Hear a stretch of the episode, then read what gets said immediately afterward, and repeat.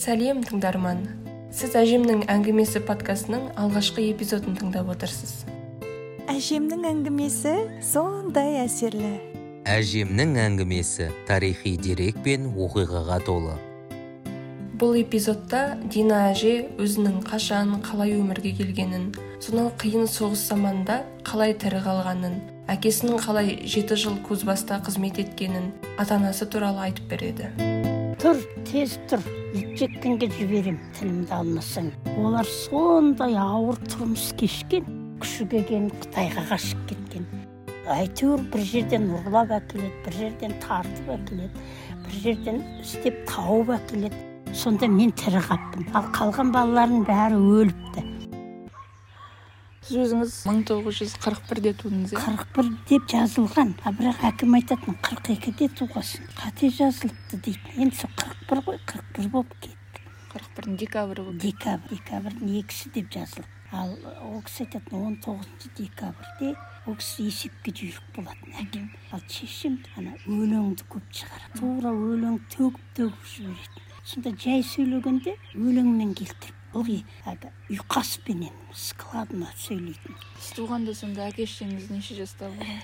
Әкем елуде болған ал шешем одан жиырма жас кіші болған. Отызда болған. Сонда отызында мені көтерген. Сіз нешінші бала болдыңыз? Менен бұрын үш қыз болыпты мен төртінші қыз екенмін. Менен кейін бір ұл бір қыз. Бірақ сіз ғана қалдыңыз иә сонда мен ғана қалдым. Қалғандарына не болған? Бәрі көрден кетті. Қызылша ма? Қызылшадан кетті. Ол уақытта қызылша шығады екен.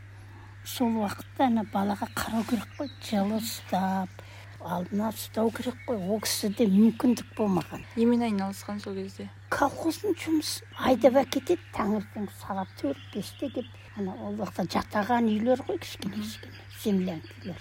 Терезеңді қамшысымен бригадир бүйтіп тықылдатады дейді. Тұр тез тұр ит жеккенге жіберем тілімді алмасаң деп айтады. Ана емізіп жатқан баламыздың аузынан емшегімізді жұлып аламыз дейді сонда. Атып тұрып әйтеуір кетеміз кет деген жағына дейді. Сонда таңертең апарады жұмысқа содан күні кешке шейін істейміз.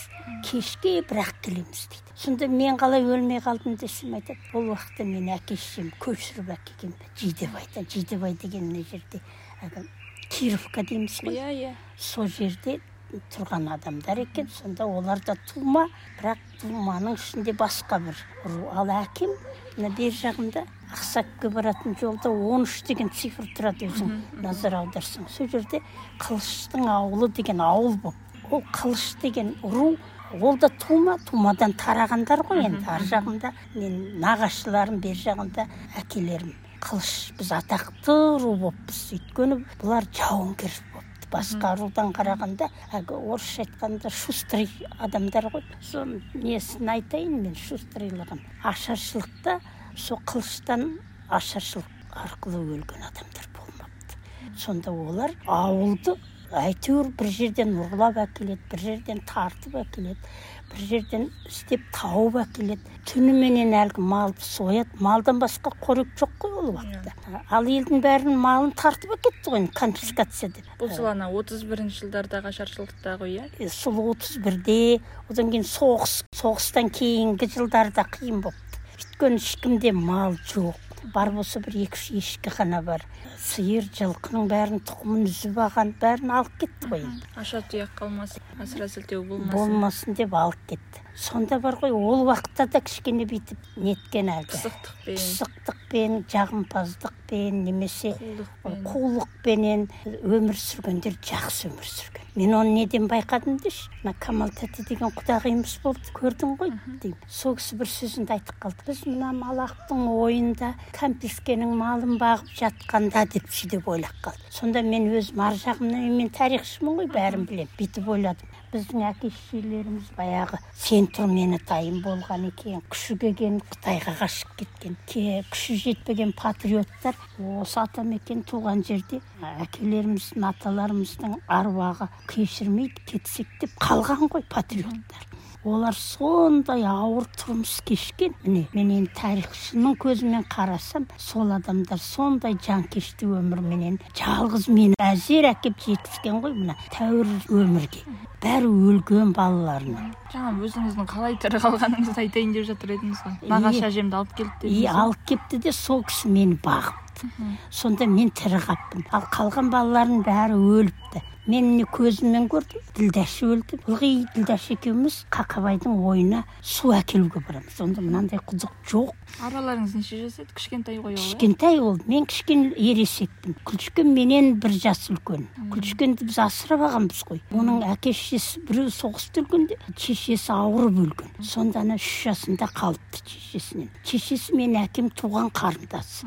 Сонда енді ауырғаннан кейін қарындасы қайда барады? Ағасының қолына келеді ғой енді. сонда мен шешем екеуі енді біреу жеңге біреу қайын сіңлі бір үйде өмір сүрген ғой содан кейін қайтыс болған. Қайтыс болғаннан кейін "М, жеңгем ау о дүниеде құдай тағаланың алдында алайын мына күлшкен сенікі. Өзіңе жазғызсаң өзіңе жазғыз ол менің ағам ғой. Өз әкесіне жазғызсаң соғыста өлді ғой соған жалғыз тұяғы ғой. Саған тапсырдым деп бүйтіп теріп өлерін деп содан екеумізді міне қатар өсірді менен ол екі жас үш жас үлкен. Сонда мен енді жаңа туғам ғой тәрізі сонда екеумізге де таңсық қараған. Таңсық деген мен шешемнің әйелі шешесі. Сонда айтатын жейтін түк жоқ бір екі үш ешкі бар. Соны сауаттап шешем пісіріп қаймағын бір ыдысқа қаспағын бір ыдысқа салып қояды. Соны бізге береді екен күлшкен екеумізге. Енді өліп қалмасын дейді ғой. Ал шешем осы далада колхоздың жұмысында жүр едік ал ана әкем кузбасс деген жер бар ғой. Ана географияда мен бүйтіп оқытқам сссрда екі үлкен көмір қоймасы бар.